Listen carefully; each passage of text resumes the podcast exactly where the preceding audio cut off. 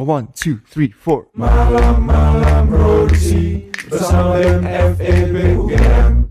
Hai Bemizen, welcome back to Malam-Malam Produksi Podcast by BEM FEB UGM. Oke, kembali, kembali lagi dengan saya Afis dan akan ada teman saya Nus yang akan jadi announcer di podcast kali ini. Dan di podcast kali ini kita bakal ngebahas tentang isu-isu di mana katanya kuliah ataupun sekolah tuh mau offline nih. Jadi udah nggak ada yang namanya kita belajar di depan Zoom tuh. Oke, ini menarik banget ya. Kita juga udah kedatangan dua bintang tamu kita, dua narasumber kita, yaitu ada Rara dan Sarah. Mungkin bisa say hi dulu, Rara sama Sarah. Uh, halo semuanya, nama aku Sarah Sasabila, aku dari Menen 2020. Oke, hai Sarah. Rara. Hai semuanya, uh, nama aku Rara, aku dari manajemen 2020 juga. Oke. Oke, sebelumnya mungkin kita tanya-tanya ke narasumber dulu ya. Ini dari Sarah dulu nih, gimana kabarnya Sarah? Sekarang lagi sibuk apa aja nih? Uh, kabar aku baik sih, cuman sekarang karena udah mulai kuliah juga jadi sibuk sama tugas-tugas aja sih, sama kayak organisasi aja sih kalau aku. Oke, biasalah ya seperti mahasiswa pada umumnya, kuliah dan organisasi. Dan kalau Rara gimana nih? How are you? Apakah ada kesibukan lainnya nih selain kuliah sekarang? Uh, iya, kebetulan sekarang aku juga lagi ada event. Uh, jadi sekarang kesibukannya selain kuliah juga sibuk rapat ya sekarang. Kebanyakan rapat di event-event kan. Oke, iya ini juga nih kayak mahasiswa kura-kura ya guys, kuliah rapat, kuliah rapat. Banyak banget nih kayak gini. Oke, jadi podcast kali ini uh, seperti yang udah aku bilangin juga tadi di awal kita bahas, bakal ngebahas tentang uh, kita sekolah offline nih kira-kira kuliah offline ya kuliah offline. Jadi mungkin kita throwback dulu ke awal dulu COVID masuk Indonesia nih. Kalian kaget nggak sih kayak ngadapinnya gimana sih uh, waktu COVID masuk Indonesia? Mungkin mulai dari uh, sisi kalian sekolahnya gimana atau mungkin uh, kalian sendiri apakah uh, banyak melakukan hal-hal yang baru gitu di awal-awal COVID masuk ke Indo? Mungkin dari Sarah dulu gimana?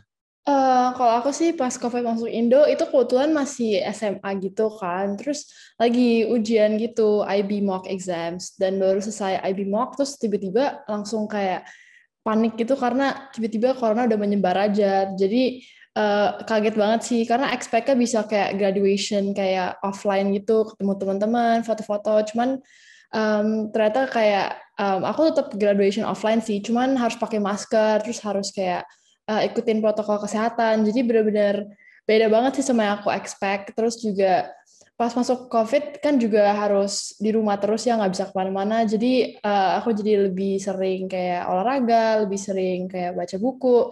Pokoknya ngelakuin hal-hal yang sebelumnya aku jarang lakuin sih pas kayak belum ada COVID di Indonesia. Oke, tapi tadi kalau nggak salah sempat itu uh, graduationnya tetap offline. Itu emang boleh? Kok enak banget dah?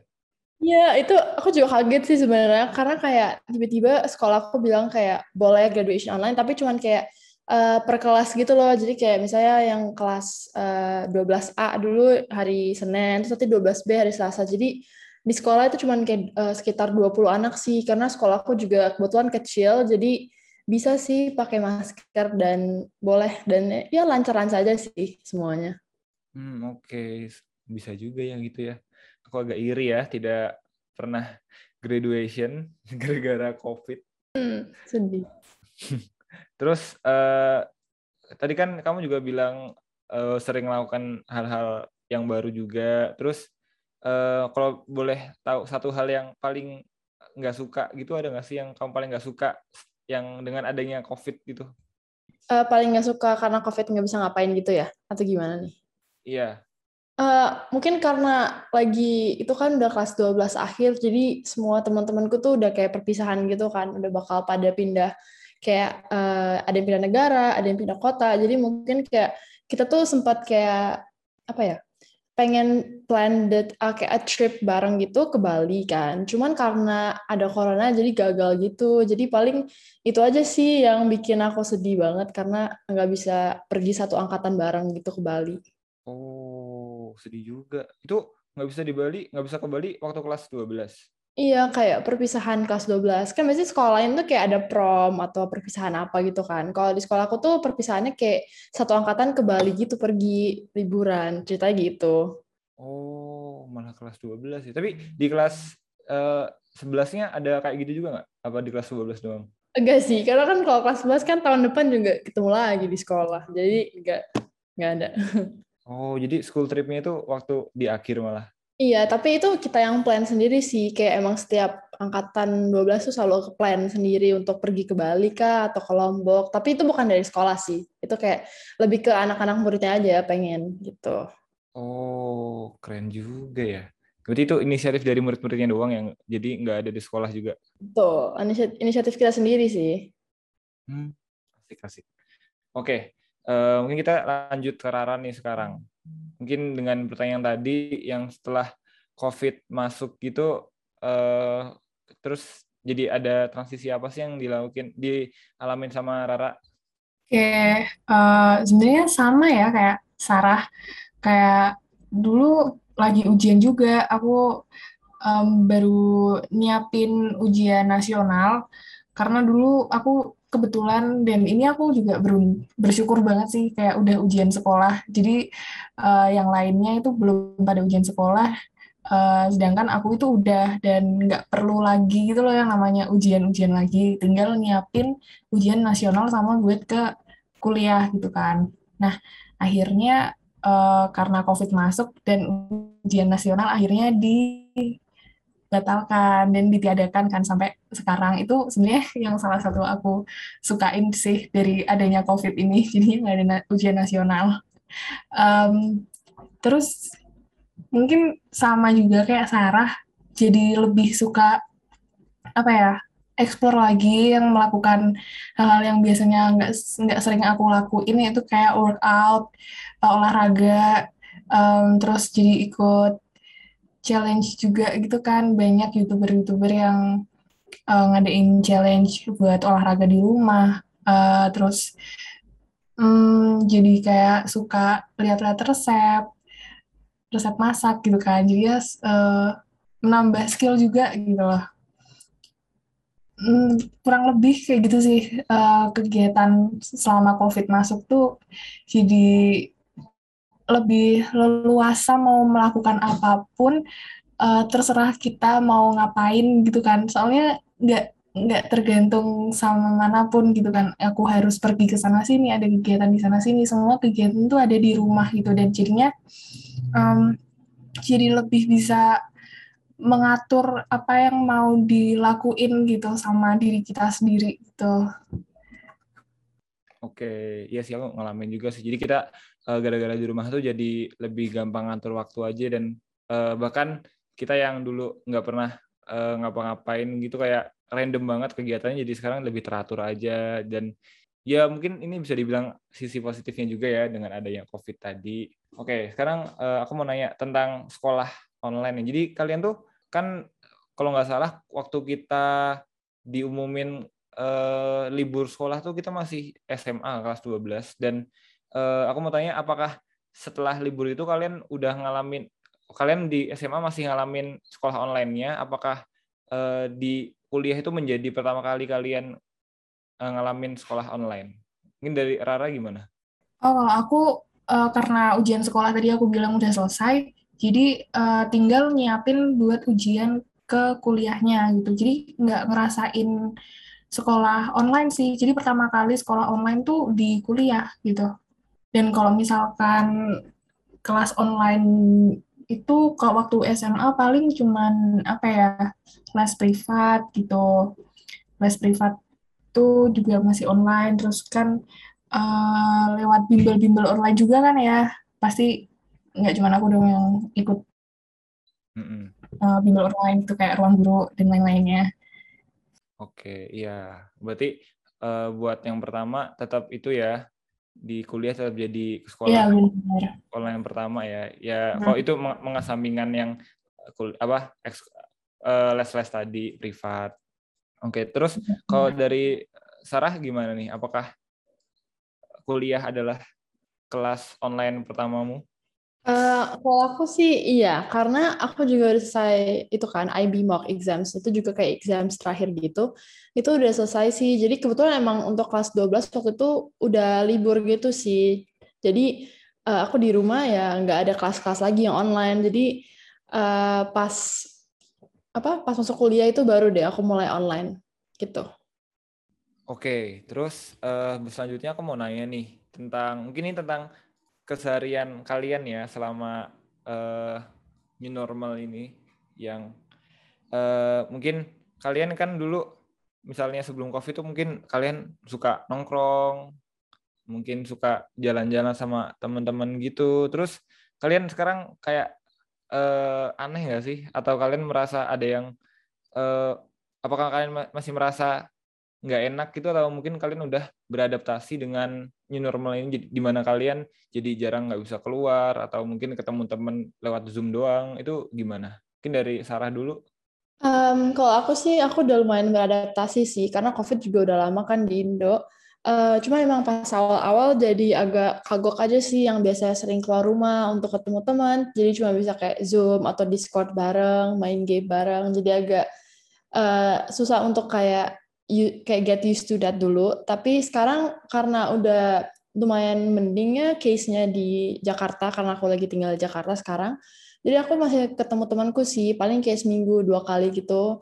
Tapi setiap kali aku mau ketemu temanku tuh pasti kita kayak di antigen semuanya dulu supaya kita make sure kayak everyone is safe. Tapi uh, selain itu juga kita selalu ngumpulnya di rumah orang gitu loh. Kayak mungkin kita drive around kayak Jakarta, habis itu kita beli makan, baru kita kayak ngumpul di satu rumah gitu supaya lebih aman aja sih karena kalau ke tempat umum kayak uh, coffee shop atau apa kayak kita kan nggak tahu orang lain itu udah aman dari covid atau belum gitu sih. Hmm oke okay, oke okay. ya sih aman banget sih daripada uh, kita dine in di satu tempat apalagi tadi antigen dulu nah itu lebih aman lagi ya. Yeah, oke okay. mungkin dari Rara gimana? Uh, Oke, okay, kalau dari aku udah kebiasaan juga, udah terbiasa dan udah adaptasi sama COVID sekarang ya kayak uh, apa yang harus dilakukan, kayak sekarang harus jaga lebih jaga kebersihan juga kan gitu. Jadi uh, sekarang kalau misalkan diajak ke kafe gitu sebenarnya uh, aku sendiri juga udah nggak parno gitu loh, udah nggak takut gitu. Cuman emang dulu awal-awal uh, yang namanya udah yang namanya kita balik ke kafe lagi itu sebenarnya kayak yang seneng banget gitu loh. Kayak wah aku udah bisa keluar lagi nih kayak udah keluar lagi nih. Gitu cuman sebenarnya emang masih takut ya gitu kayak apalagi pakai masker. Sebenarnya awalnya juga pengep juga kan kayak harus pakai masker dan uh, masih takut kayak pegang ini sedikit terus hand sanitizer pakai ini dikit gitu pokoknya kayak yang benar-benar repot banget gitu lah kalau misalkan keluar-keluar tuh kayak yang benar-benar takut kita nyentuh apa pun tuh kayak yang harus langsung semprot semprot semprot cuci cuci cuci kayak gitu. Cuman dulu dulu tuh lebih ada perasaan senengnya gitu bisa keluar gitu. Tapi kalau sekarang um, jadi kayak apa-apa oh ya udah gitu uh, keluar ya udah gitu. Jadi perasaannya tuh udah biasa aja gitu. Karena ini emang udah daily life-nya tuh udah jadi kayak gini gitu. Terus kalau tadi si uh, aku denger si Sarah kan uh, dia sering masih bisa ketemu sama teman-teman ya kayak main ke rumah gitu. Mungkin beda kali ya uh, sama sama uh, social life-ku gitu. Uh, sebenarnya aku juga agak iri sih dengernya sih kayak um, kit, uh, per, apa ya model pertemananku kayak yang kita jarang main ke rumah teman gitu. Jarang kumpul-kumpul bareng di rumah teman gitu tuh jarang banget sih. Jadi kayak kalau misalkan uh, pertemanannya Sarah tuh bisa yang ke, ketemu teman tuh dengan cara main ke rumah orang gitu tuh sebenarnya asik banget beneran. Kayak kumpulnya tuh nggak harus worries gitu loh worries karena ketemu orang lain gitu. Jadi cuman ketemunya ya orang satu rumah doang itu bahkan lebih aman gitu kan. Cuman kayak uh, pertemananku tuh nggak kayak gitu gitu jadi kayaknya kalau di covid life sekarang itu bisa kumpul di rumah teman tuh kayaknya lebih asik sih gitu pertemanan yang kayak gitu tuh lebih asik gitu kan daripada harus ketemu tapi di suatu tempat umum gitu lebih was-was juga sih gitu. Oke. Iya iya bener juga. Ya ya lumayan beda sih ya beda-beda emang beda-beda juga emang uh, social life-nya orang-orang. Aku kalau aku mungkin lebih kayak uh, Sarah tadi juga sih suka main. Bahkan kadang dine in ya ini jangan ditiru ya guys. Jangan ditiru. Jangan ditiru main-main keluar. Mending di rumah aja. Mending main di rumah salah satu aja. Ya itu lebih aman ya itu asik sih. Main ke rumah temen tuh emang asik sih. Penyelamat. Iya. Tapi kayak aku sih kalau untuk dine in di keluar juga sebenarnya masih sih. Cuman aku prefer kayak cafe atau restoran yang ada outdoornya gitu loh. Jadi aku biasanya duduknya yang di luar aja gitu loh. Iya. Kalau sekarang tuh uh, mau keluar tuh pasti apa-apa kayak tanya ini ada outdoornya nggak kayak gitu kan? Benar-benar. hmm, iya iya iya.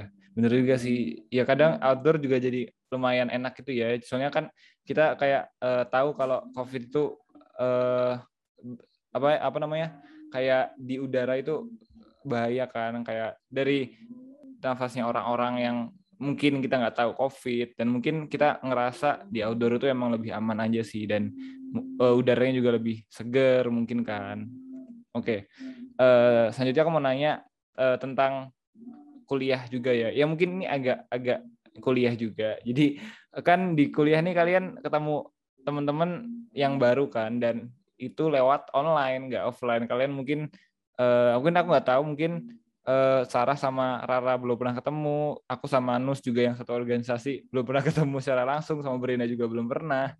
Dan uh, mungkin di luar organisasi kayak gitu kalian nyari teman lewat online tuh gimana sih? Apakah gampang atau ternyata susah? Dan uh, kalian tuh nemu masalah-masalah apa aja sih selama bikin uh, nyari teman lewat online gini Mungkin dari Rara dulu deh. Nyari temen ya. Uh, kebetulan kan karena teman baru ya di kuliah ya. Uh, itu aku hmm, uh, harus berani uh, di dalam eh langit. Jadi aku nggak ngomong ke diriku sendiri kayak oke okay, kamu mau nggak mau harus SKSD dong kalau diajakin ngomong ya kamu harus mau nimbrung, ada orang lagi ngobrol ya nimbrung gitu. Mungkin karena salah satu sifatku juga yang aku tuh FOMO. Jadi kalau misalkan uh, orang terdekatku atau misalkan kalau misalkan di manajemen itu ada surti yang surti Sugeng Rawu tuh Ikama, uh, itu misalkan ada udah diberikan fasilitas kayak gitu ya oke okay, aku harus mau nimbrung dan mau aktif kalau mau punya temen gitu kan. Karena apalagi ini online. Nah akhirnya karena bisa karena akunya sendiri mau dan mau terbuka dan mau nimbrung ya aku udah bisalah aku dapat teman gitu. Dan teman itu kebetulan sama-sama Jogja. Dan karena sama-sama Jogja uh, kita uh, kita bisa ketemuan dan uh, kebetulan temanku ini juga ngajakin yang dari satu uh, satu SMA lainnya gitu. Jadi uh, itu sih mungkin kalau di luar event karena kalau misalkan kita join event atau organisasi itu udah pasti banget kita dapat teman uh, dan kalau misalkan di luar itu kan kita cuman ketemuannya di kelas terus di kayak ospek jurusan gitu kan dan itu tuh lingkupnya luas banget gitu. Dan kalau misalkan kita nggak mau terbuka dan nggak mau SKSD nih kalau sekarang kan uh, apa ya in, istilahnya tuh kayak mantranya tuh kita harus SKSD gitu kan kalau mau punya teman di luar event gitu. Nah itu uh, susah sih. Oke, okay, um, kalau buat aku sih uh, susah sih. Karena aku kan expect-nya bakal offline bisa bakal ketemu kayak orang-orang yang langsung, tapi karena online. Uh, untungnya waktu itu kan uh, aku kan IUP itu waktu itu kayak IUP itu ada kayak first meet sama anak-anak sesama IUP yang main lain, jadi sempat kenalan sama orang di situ sih. Terus aku ketemu kayak beberapa orang yang menurut aku aku bisa klik gitu. Dan aku kayak PC mereka satu-satu kayak salam kenal dan segala macam sih. Kayak basically introduce myself aja terus juga um, karena ikut be kayak beberapa organisasi menurut aku itu juga bikin aku bisa uh, eh, dapat kayak beberapa temen gitu sih. Walaupun gak semua dari Mene, tapi um, ada juga yang bisa kayak tetap connect sama aku, bisa ngobrol. Jadi paling ya organisasi terus yang waktu itu ada IUP first meet gitu. Terus um, aku juga sempat kayak ke Jogja waktu itu sempat kayak ketemu some people juga terus kayak kenalan sama anak kayak akun atau anak IE jadi paling dari itu sih kayak organisasi. Terus juga waktu itu Surti juga kalau nggak salah uh, aku sempat kayak lumayan aktif juga di grup chatnya. Karena emang kayak kalau nggak nimbrung gitu jadi aneh dan gimana mau dapet temen gitu loh kalau misalnya nggak um, aktif di chat dan PC-PC orang. Tapi ya emang agak SKSD sih yang kayak Rara bilang. Tapi kalau nggak kayak gitu bakal susah sih dapet temen. Menurut aku gitu.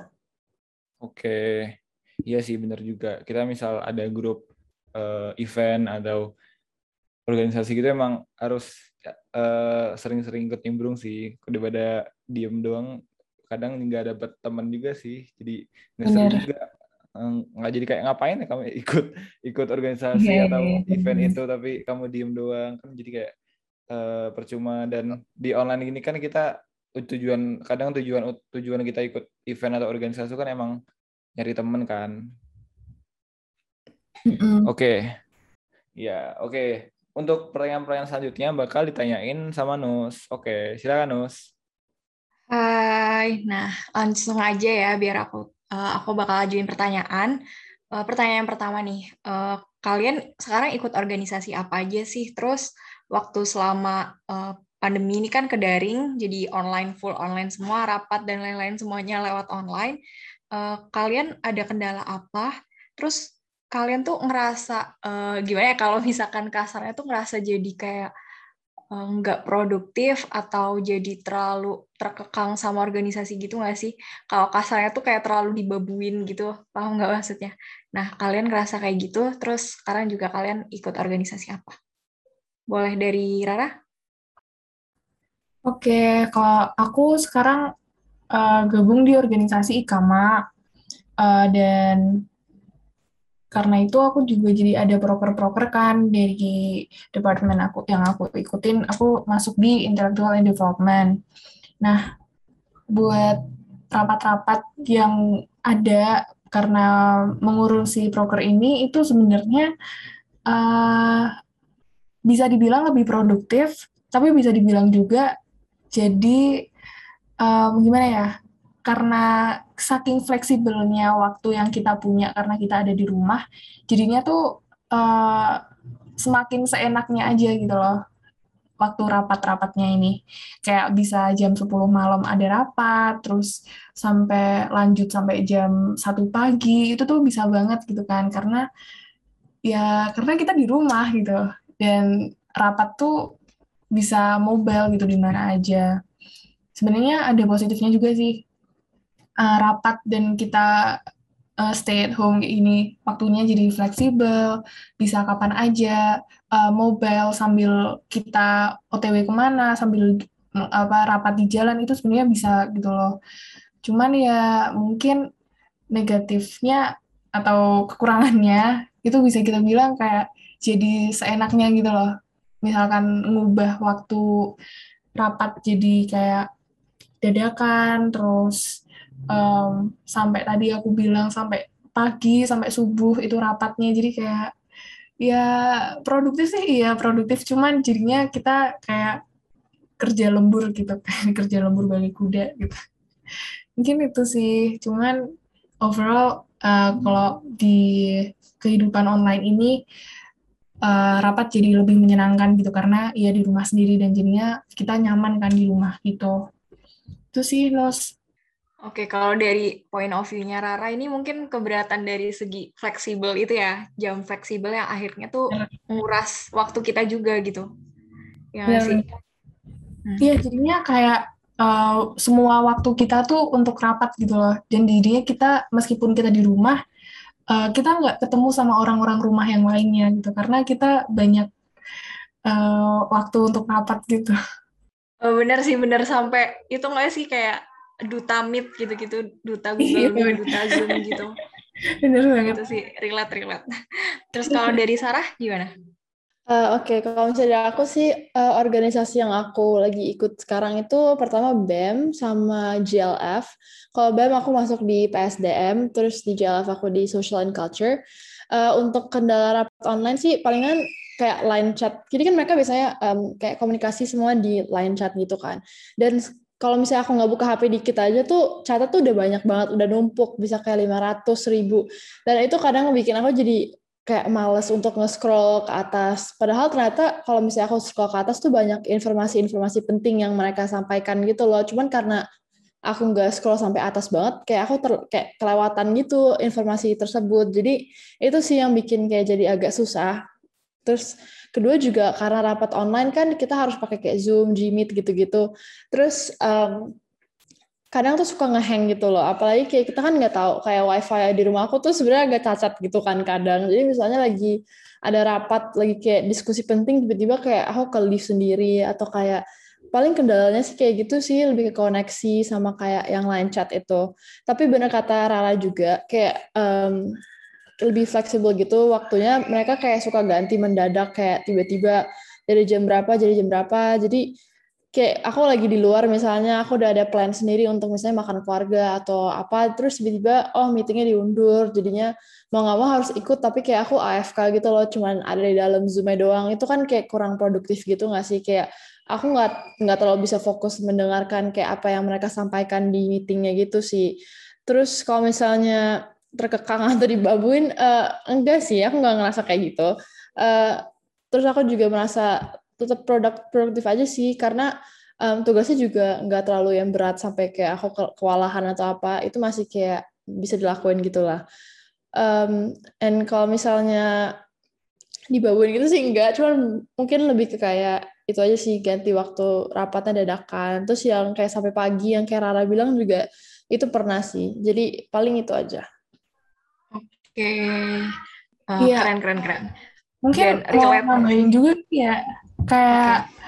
karena saking virtualnya kita kan rapat virtual gitu jadi kayak kalau misalkan tadi Sarah bilang aku lagi di luar gitu uh, jadinya cuma join zoom itu sebenarnya juga relate dan kalau misalkan lagi di luar gitu uh, terus mau ada meet nih misalkan itu pasti uh, orang-orang yang bareng kita itu tuh ngomongnya kayak iya kamu meetnya virtual kan bisa disambil kan bisa disambi ngapa-ngapain kan ya udah gitu. Kayak ya udah ayo tetap pergi aja kayak gitu loh. Jadinya iya nggak nggak nggak fokus cuma join doang. Bener sih bener, tapi aku juga pernah mengalami sih hal yang sama AFK kayak udah masuk aja. Apalagi kalau misalkan kar karena tadi fleksibilitas dari jamnya itu akhirnya kayak kita pernah, kalau aku sendiri tuh pernah triple device gitu loh, kayak di Google Meet ada, di Zoom ada, terus di HP ku tuh ada gitu loh, kayak terus dan akhirnya aku nggak dengerin tiga tiganya karena ya udah aku tinggal tiga tiganya gitu. Itu sih kalau yang relate dari aku ya terkait dengan jam fleksibel tadi. Nah uh, ini aku langsung masuk ya ke pertanyaan selanjutnya. Uh, kalian pernah nggak sih uh, ada dalam lingkaran toxic productivity? Pernah nggak? Terus kalau misalkan pernah kalian tuh apa ya kayak faktor apa yang mendorong kalian tuh jadi toxic productivity? Kayak apa sih yang nge-trigger kalian kok bisa sampai kayak gitu? Terus kalau misalkan enggak uh, mindset apa sih yang kalian kembangin di toxic productivity itu? Ataupun misalkan kalian pernah nih tapi kalian udah enggak enggak masuk ke dalam toxic productivity itu. Nah gimana sih cara kalian ngatasinnya? Uh, sebenarnya gimana ya? Aku perlu cross check lagi nih toxic productivity itu kayak gimana sih? Uh, takut takut salah tangkap aja gitu. Oke, okay. kalau dari aku pribadi sih sebenarnya kalau yang aku rasain ya, ini bukan secara definisinya, coba dari yang aku rasain, aku jujur pernah ngalamin toxic productivity. Ini kayak hampir 11-12 sama FOMO gitu. Jadi aku ngerasa kalau misalkan kayak aku harus apa ya, as best as I can gitu. Terus kayak aku harus kerja terus terus kayak misalnya di organisasi aku harus perfect terus nih kerjaannya bla bla bla gitu. Terus kayak aku nggak mau ketinggalan event apa pun gitu loh. Jadi kayak semua event aku ikutin kayak gitu gitu itu bisa jadi toxic productivity juga. Terus kayak tadi uh, karena aku terlalu pengen jadi perfect gitu kayak bisa tidur jam 3 pagi terus uh, habis itu tidur buat kelas selanjutnya itu paling cuma 4 sampai 5 jam kayak gitu. Kalau dari Rara pernah nggak ngerasain Oh, oke. Okay. Relate ya. Uh, apalagi deket-deket ini, akhir-akhir ini aku juga oke okay, merasakan uh, definisi dari toxic productivity ini. Uh, karena aku merasa kayak aku punya tanggung jawab dan aku harus menyelesaikannya itu. Tapi uh, perasaanku terhadap itu tuh kayak terlalu berlebihan gitu loh. Jadinya aku tuh kayak mikirin itu terus gitu. Kalau misalkan ini ada yang kurang, aku jadi kayak blame it to myself gitu loh. Padahal ya harusnya hmm, itu bukan salahku aja gitu loh. Karena emang harusnya uh, dalam rekan kerjaku dalam timku itu juga harusnya saling mengingatkan gitu kan cuman uh, aku aku malah menyalahkan diriku sendiri dan jadinya aku down sendiri. Uh, aku menyalahkan rekan kerjaku kayak aku menyalahkan kayak mereka tuh kenapa sih nggak merasakan hal yang sama kayak aku? Kenapa mereka kayak santai-santai aja? Kenapa uh, aku doang yang merasakan beban ini gitu loh? Kenapa kenapa semuanya aku gitu loh? Jadi eh, aku merasakan itu gitu ya gara-gara uh, event ini dan karena aku menjalankan suatu proker gitu kan.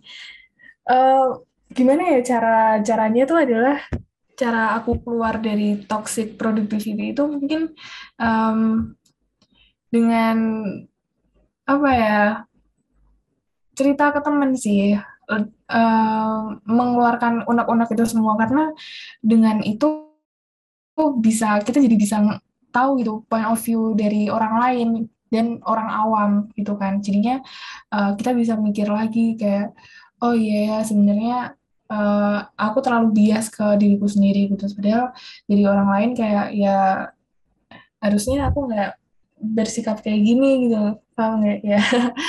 Uh, agak susah sih ya jelasinnya tapi yang penting kayak bagaimanapun kita harus sadar uh, kita mungkin merasa merasa berada di lingkaran toxic productivity itu karena kita semua sekarang lagi ada di kondisi yang mm, sendirian. Aku bisa bilang sendirian karena kita di rumah terus, nggak ketemu orang-orang lain, kita ketemu orangnya ya itu-itu aja gitu. Mungkin kita tuh butuh suatu pandangan yang baru gitu kan. Jadi jadi mungkin uh, kita bisa merasa kita ada di lingkaran toxic productivity karena kita sendiri jenuh gitu.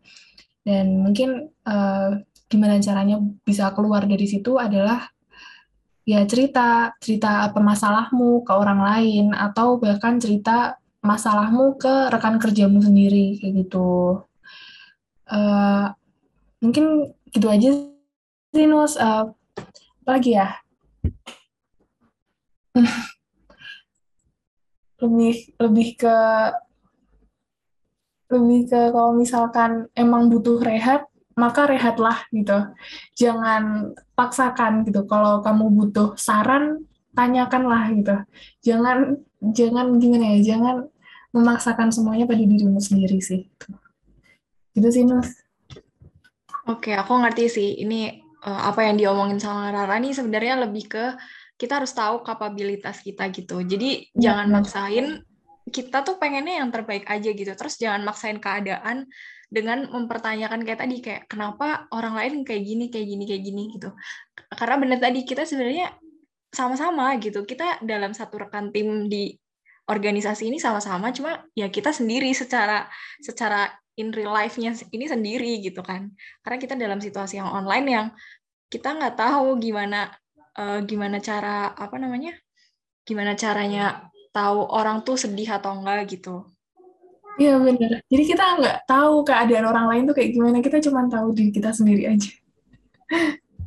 Oke, okay. next kalau dari Sarah? Uh, kalau aku sih, uh, mungkin aku pernah ngerasain juga sih yang namanya toxic productivity. Um, soalnya kayak mungkin karena sekeliling aku tuh orang-orangnya yang pada kayak ambis gitu dan juga mereka tuh produktif banget. Mereka bisa manage their time properly gitu, bisa kayak oh mereka bisa punya social life, tapi mereka juga bisa uh, do good in kayak organization terus kayak event itu mereka kayak bisa ngebalance semua itu. Dan aku tuh suka kayak iri gitu karena aku ngerasa kayak aku nggak bisa karena uh, agak susah gitu lah buat aku. Mungkin bukan yang nggak bisa sih tapi agak susah untuk dilakuin aja sih untuk balance kayak social life with like organization life terus with like academics juga. Itu kayak nggak gampang menurut aku. Cuman entah kenapa kayak orang-orang di sekitar aku gitu apalagi kayak yang dari organisasi-organisasi kayak BEM gitu mereka bisa kayak ngatur waktu mereka dengan baik dan benar gitu sih. Jadi aku kayak suka push myself hard. Padahal kayak uh, kadang tuh aku maksa diri sendiri untuk kayak oke okay, harus bisa ngelakuin ini harus bisa selesai jam segini gini gini. Tapi padahal aku tuh nggak sanggup gitu loh. Padahal aku udah capek banget. Udah kayak seharian kuliah tiga sesi. Tapi habis itu aku masih kayak harus meeting lagi. Itu habis itu harus kerjain ini itu dan dan kayak aku nggak kasih myself waktu untuk istirahat. Dan itu menurut aku kayak toxic banget buat diriku sendiri. Karena aku sering banget kayak tidur tuh cuma 4 jam 5 jam itu yang kayak kamu bilang tadi Nus kayak aku sering banget. Karena kadang walaupun aku bisa aku ada tugas kayak untuk organisasi aku bikin kayak report atau bikin apa terus um, aku tuh stay up sampai pagi gitu loh sampai jam 3 sampai jam 4 untuk nyelesain itu. Padahal kalau aku mau paginya juga nggak apa-apa aku bisa kerjain jam 7 aja atau jam 8 abis aku bangun tidur. Tapi kayak aku nggak mau gitu aku kayak aku harus selesai sekarang juga hari ini juga. Jadi aku akhirnya stay up gitu loh sampai jam 3 dan kayak itu bikin kayak cepet sakit juga kan jadi cepet lemes juga kelas jadi nggak fokus. Jadi itu impactnya kayak negatif sih buat aku. Jadi menurut aku sih aku harus punya mindset juga kalau misalnya kayak nggak semuanya harus kayak buru-buru banget nggak semuanya harus perfect banget. Kayak it's okay to make mistakes tapi kayak um, you can learn from it juga in, at the end of the day. Jadi menurut aku sih itu sih caranya untuk nggak terlalu kayak jadi toxic banget. Oke, benar. Jadi ini ya bisa dicatat kalau misalkan uh, satu hari itu cuma ada 24 jam, jadi jangan paksain semuanya buat kerja terus, buat ngelakuin apa yang seharusnya bisa kita lakuin buat besok. Jadi tadi benar uh, istirahat yang cukup, terus jaga kesehatan. Karena impact-nya itu nggak nggak sekarang gitu bisa. Jadi untuk ke depan ke depannya kita bisa cepat sakit ataupun malah jadi gimana ya meskipun kita nggak ngerasa sakit tapi apa ya kayak vibes-nya tuh kita lemes gitu kan biasanya. Ya sih lemes terus ngantuk Bener. gitu kayak nggak nggak semangat juga bisa jadi kayak badannya udah capek gitu tapi kita nggak nyadar dan kita tetap kayak terus-terusan geber gitu loh iya oke okay. terus pertanyaan selanjutnya nih uh, kan tadi kalian udah refleksi gitu ya gimana sih keadaan waktu pandemi ini terus kalian juga udah bisa introspeksi diri terus kayak akhirnya throwback throwback sama gimana sih keadaan kalian gitu nah selama pandemi ini uh, ada nggak sih hal-hal baru yang uh, kalian sadari terus akhirnya tuh apa ya bikin perubahan improvement yang sangat jauh dari diri kalian sebelumnya. Bukan hanya terkait dari daily life tadi ya bisa jadi karena dari psikologi terus bisa jadi dari fisik. Itu kira-kira gimana? Boleh dari Sarah? Uh, mungkin kalau misalnya in terms of kayak positifnya apa, uh, sebenarnya karena aku sering di rumah, jadi aku tuh sebelum pandemi tuh jarang banget kayak di rumah, kayak aku selalu keluar karena um, kayak aku nggak suka di rumah gitu loh, kayak I don't have the best household gitu, jadi aku sering banget cara aku nggak sedih tuh aku selalu keluar ketemu teman, jalan-jalan, terus kayak um, cerita-cerita ke teman, karena itu bisa bikin kayak beban pikiran aku berkurang. Cuman karena sejak covid itu aku terpaksa kan harus di rumah terus kan dan nggak bisa ke mana-mana. Ada sempat kayak beberapa bulan gitu. Dan itu aku kayak lebih kayak get to know myself aja sih karena banyak me time juga. Kayak aku tahu sekarang kayak oh aku tuh sebenarnya sukanya kayak gini. Aku tuh harus kayak control my emotions tuh kayak gini. Kayak aku banyak kayak nonton video-video di YouTube kayak about um, basically about our mental health aja sih. Karena um, di pas pandemi itu bener-bener my mental health was really bad karena di rumah terus nggak bisa ketemu teman dan kayak nggak betah di rumah kayak ngunciin di kamar sendiri. Cuman setelah kayak at time as time goes by itu lama-lama aku jadi kayak comfortable di rumah gitu loh. Karena kayak me time itu bikin aku kayak nyadar kayak oh I can also kayak have fun by myself. Bisa juga kayak um, dengerin musik terus kayak nonton film. Terus juga aku lebih kayak tekunin kayak um, sempet olahraga juga sih yang tadinya aku tuh jarang banget tapi pas awal-awal pandemi tuh aku jadi kayak olahraga terus di rumah terus kayak nonton YouTube videos yang kayak workout workout yang bisa dilakuin like inside the house. Jadi bener-bener kayak sempet my kayak my health in general tuh lebih kayak improve karena kalau keluar tuh kan suka makan junk food, suka ngapain untuk kayak makanan-makanan yang nggak sehat gitu loh. Terus pulang pagi, tapi kayak sejak pandemi tuh jadi makan lebih teratur, terus kayak selalu makan makanan rumah. Jadi uh, my health like in general tuh jadi lebih bagus aja sih. Untuk mental health juga uh, it improve a little bit karena aku jadi lebih bisa kontrol emosi aku dan juga pikir jernih untuk kayak ngebuat keputusan-keputusan di hidup aku jadi paling itu sih sisi positif yang aku dapetin. Oke, keren banget sih Sarah tadi. Aku se ini sih terkait yang tadi workout itu itu nggak relate sama aku cuma aku ngerasa kayak kenapa nggak nggak dicoba gitu karena uh, yang workout itu emang sih kayaknya waktu awal-awal orang orang kena pandemi tuh workout terus berjemur gitu itu kan kayak udah jadi hypes banget gitu loh kayak orang pasti semuanya kayak insta story insta storynya tuh kayak full sama orang berjemur terus workout gitu kan. Terus uh, berarti ini Sarah kayak sampai sekarang masih ngelakuin gitu ya? Nah, karena ini udah nggak terlalu terkekang di rumah, jadi agak jarang. Karena uh, udah balik keluar kan. Jadi aku sekarang jadi udah mulai balik ke unhealthy me yang kayak jarang olahraga gitu sih. Cuman tetap selalu diingetin sih sama orang tua aku kayak dulu aja olahraga pas awal covid kok sekarang malah jarang. Jadi kalau misalnya untuk sekarang agak berkurang sih. Tapi itu semua orang seperti itu sih. Oke, kalau dari Rara gimana? Oke, uh, kalau dari aku mungkin um, aku jadi explore apa yang pengen aku lakuin sebelum apa sebelum COVID gitu.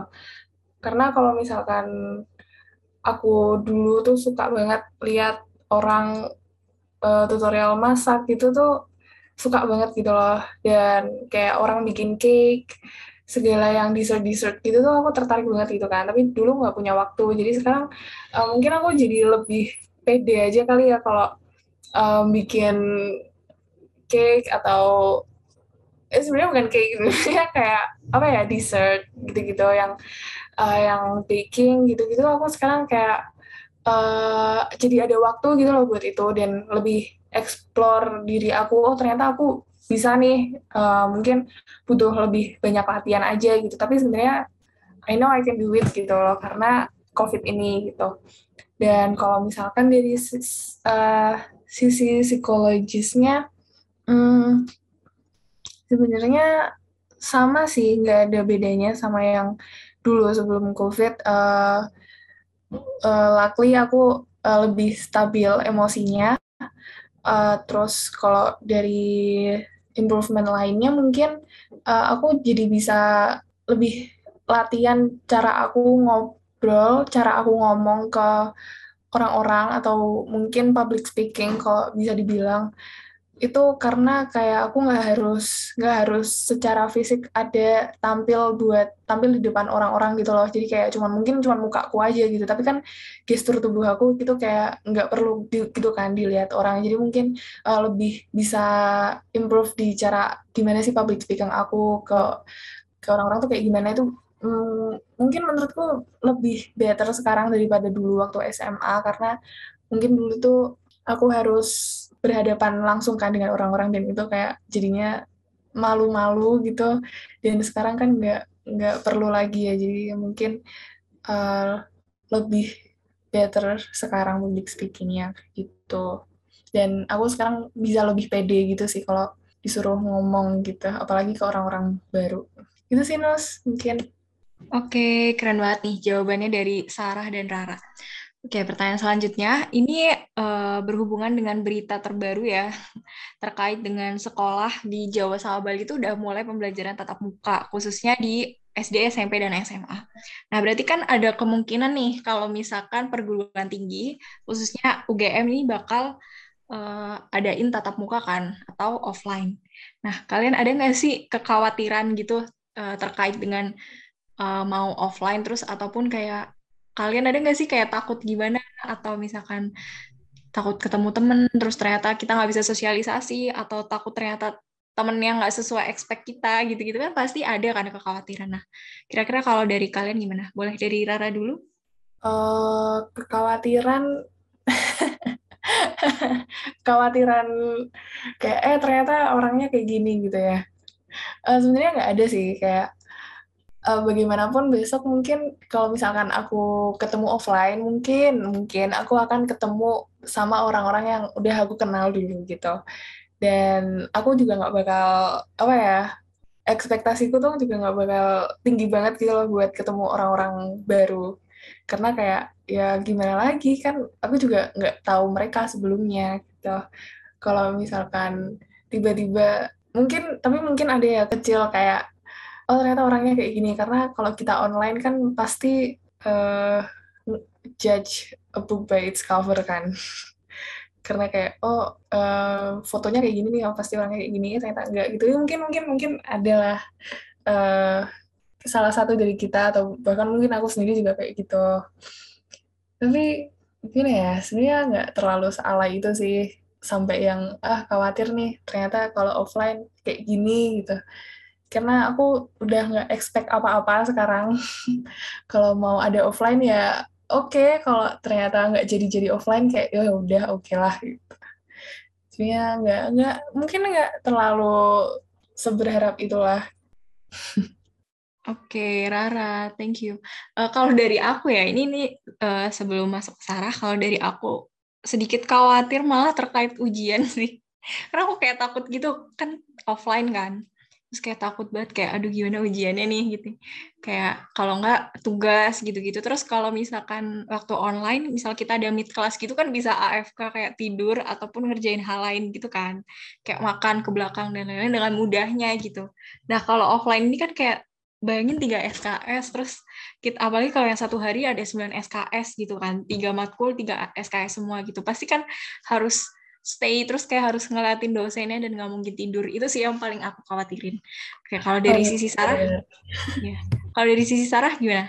Oke okay, um, sebenarnya agak sama sih sama kamu Nus. Karena um, aku sih khawatir bangun pagi sih. Karena walaupun aku ada kelas pagi kayak jam 7 gitu aku tuh biasanya kayak oke okay, aku bangun. Habis itu aku masuk. Tapi lama tuh aku ketiduran lagi gitu loh. Kayak paling 30 menit itu pas bangun tuh udah seger lagi gitu kan. Jadi kayak kalau misalnya nanti offline kayak nggak bisa kayak gitu lagi. Kayak bangun pagi ya udah kayak langsung ke kampus dan harus kayak duduk dengerin dosennya terus gitu loh. Kalau di sini kan kayak bisa sambil kayak kalau misalnya aku lapar aku tuh biasanya kayak order kopi. Jadi nanti uh, minum kopi dulu supaya nggak ngantuk. Terus kayak makan sambil kelas. Jadi kayak bangun gitu loh jadi seger. Cuma nanti kalau misalnya offline aku takut banget sih. Kayak aku ntar malah ketiduran di kelas atau apa karena kayak belum kebiasa gitu. Terus juga untuk ujian aku takut juga karena um, aku cuma takut pas off offline itu bakal kayak beda banget sama online. Kayak the way teachernya structure the question atau kayak um, ya takutnya tingkat kesulitannya juga makin susah atau apa. Aku takut banget sih kalau misalnya untuk related ke ujian untuk kayak teman uh, aku nggak terlalu takut bakal beda karena uh, aku udah ketemu in real life sama most of my close friend di uni jadi eh di UGM maksudnya jadi uh, nggak akan kayak shock yang kayak oh ini ternyata nggak sesuai dengan apa yang aku expect kayak nggak mungkin sih karena emang aku udah pernah ketemu mereka dan mereka sama aja sama kayak di online sama offline tuh they're the same people gitu. Uh, paling itu sih yang aku concern tentang offline Oke, okay, thank you Sarah. Ini pertanyaan terakhir ya untuk menutup podcast kali ini nih. Uh, aku mau tanya, uh, kira-kira kalian siap nggak sih buat mempertimbangkan? Tadi kan kita udah refleksi banyak ya terkait dengan uh, online ataupun offline. Nah, terus kalian siap nggak kira-kira kalau misalkan uh, bakal diadain offline, terus habis itu uh, kasih saran dong buat pendengar podcast ini, apalagi kalau misalkan ini ternyata masih akan online terus gitu buat maba-maba ataupun buat teman-teman yang dengerin kali ini. Boleh dari Sarah? Uh, betul aku mau nanya deh, itu sarannya maksudnya untuk maba kalau misalnya sekolahnya online lagi atau gimana? Iya, boleh kayak saran misalkan uh, kayak tadi kan uh, Sarah udah ini kan kayak misalkan daily life-nya udah berubah kayak gitu-gitu nah gimana cara menghadapinya terus boleh dari tadi sisi toxic productivity ataupun cara kalian buat manage waktu itu juga boleh kok. Oke, um, kalau misalnya, oke, okay, pertama kalau misalnya kuliah offline, aku bakal siap atau enggak, kayaknya uh, harus siap sih mau nggak mau, karena banyak banget hal positif yang bakal yang ada gitu kalau misalnya kita offline. Ya kita bisa ketemu teman face to face terus kita bisa kayak ketemu dosennya juga. Terus kalau misalnya kelas menurut aku bakal lebih fokus sih karena kalau misalnya di rumah gini kan kayak bisa sambil tiduran sambil kayak main HP jadi nggak konsen gitu dan kalau misalnya offline tuh dapat kayak university experience yang benar-benar kayak aku pengenin dari dulu kayak pengen banget tuh tahu rasa gimana sih kuliah di UGM di Jogja kayak ngerantau gitu dari Jakarta. Kayak aku pengen banget sih kayak belajar untuk kayak hidup sendiri masak sendiri segala macam jadi kalau untuk offline aku udah siap banget sih. Terus kalau misalnya untuk saran kayak ke maba gitu paling uh, kalau misalnya online tuh pasti awal-awalnya bakal susah sih untuk adaptasi karena kita kan nggak kebiasa untuk kayak belajar. Cuman uh, menurut aku jangan sampai kayak pokoknya kalau misalnya kelas jangan kalian kayak sambil tidur atau kalian sambil main HP. Pokoknya kayak try untuk be focused on the class karena um, ini tetap kuliah gitu loh. Kayak nilai kalian tuh bakal penting juga for the future kalau misalnya kalian kayak mau apply kayak kerjaan apa atau basically kayak try to stay focus aja sih pas kelas karena uh, penting banget. Apalagi kalau misalnya ada quiz, sudah tes gitu kan kita harus dengerin semua yang dijelasin dosennya gitu kan. Walaupun emang pasti susah, cuman try to like do something kayak beli kopi kayak atau mungkin istirahat juga yang cukup. Jangan kayak mentang-mentang online jadi kayak mau bangun kayak cuma mau bangun terus masuk kelas terus tidur gitu. Kayak jangan kayak gitu sih kalau bisa. Karena nanti nggak ngerti apa tentang kayak lessonnya gitu.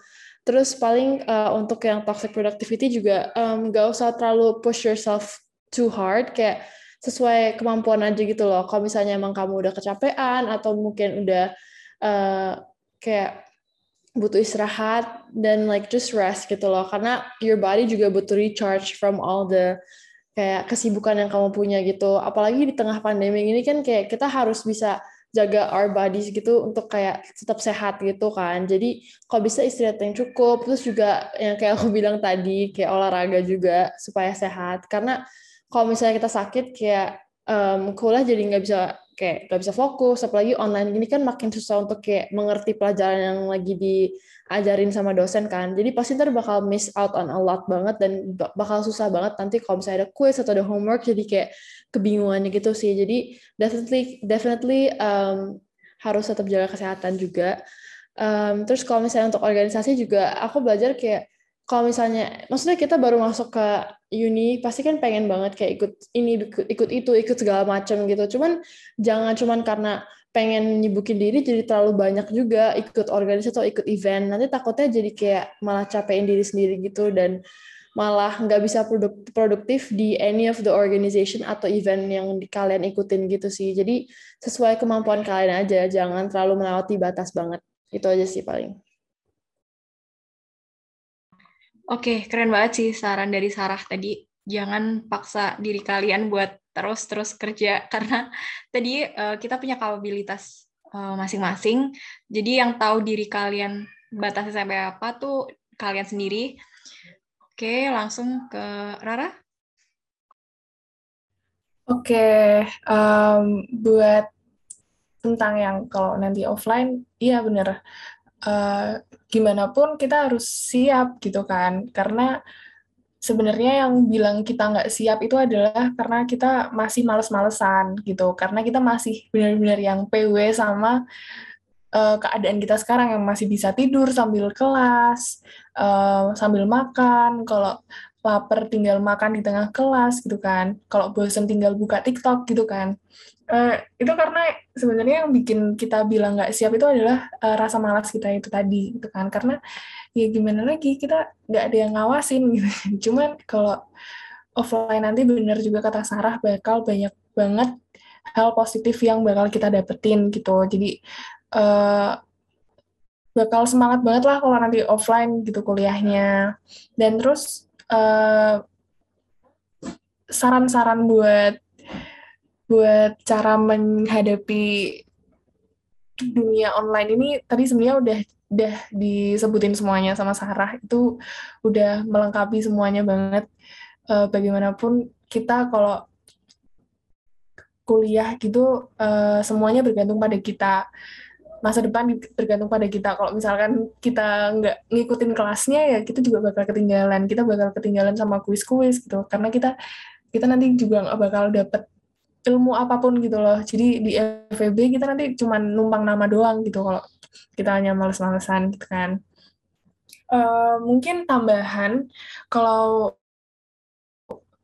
cara kalian biar bisa fokus itu adalah take notes.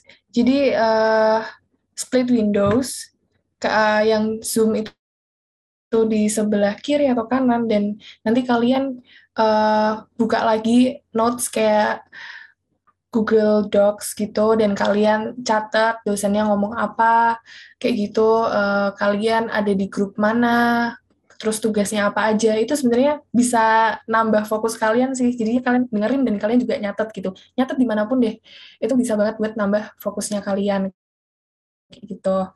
Dan mungkin dengan adanya uh, kelas online ini uh, intinya it's all about trial and error gitu kalian lakuin aja dulu apa yang harus kalian lakukan sekarang. Dan kalau kalian udah mencapai titik yang kalian nggak nyaman dan bikin kalian jenuh dan mungkin merasakan toxic productivity itu tadi, uh, maka kalian berarti udah tahu dong, kalian bisa refleksi sendiri, uh, kalian lagi nggak kenapa, uh, selama ini aku melakukan apa aja dan ke depannya aku harus kayak gimana gitu. Itu sih sebenarnya yang bisa bikin uh, kalian dan diri kita itu lebih improve gitu. Karena kita tadi itu trial and error kita jadi tahu oh ternyata tuh ternyata aku tuh orangnya kayak gini.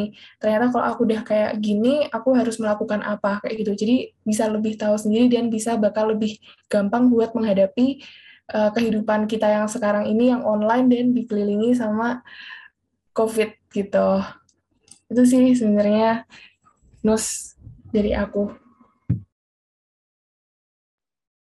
Oke, thank you banget Sarah dan Rara. Semua sarannya dan semua cerita ya di uh, awal tadi.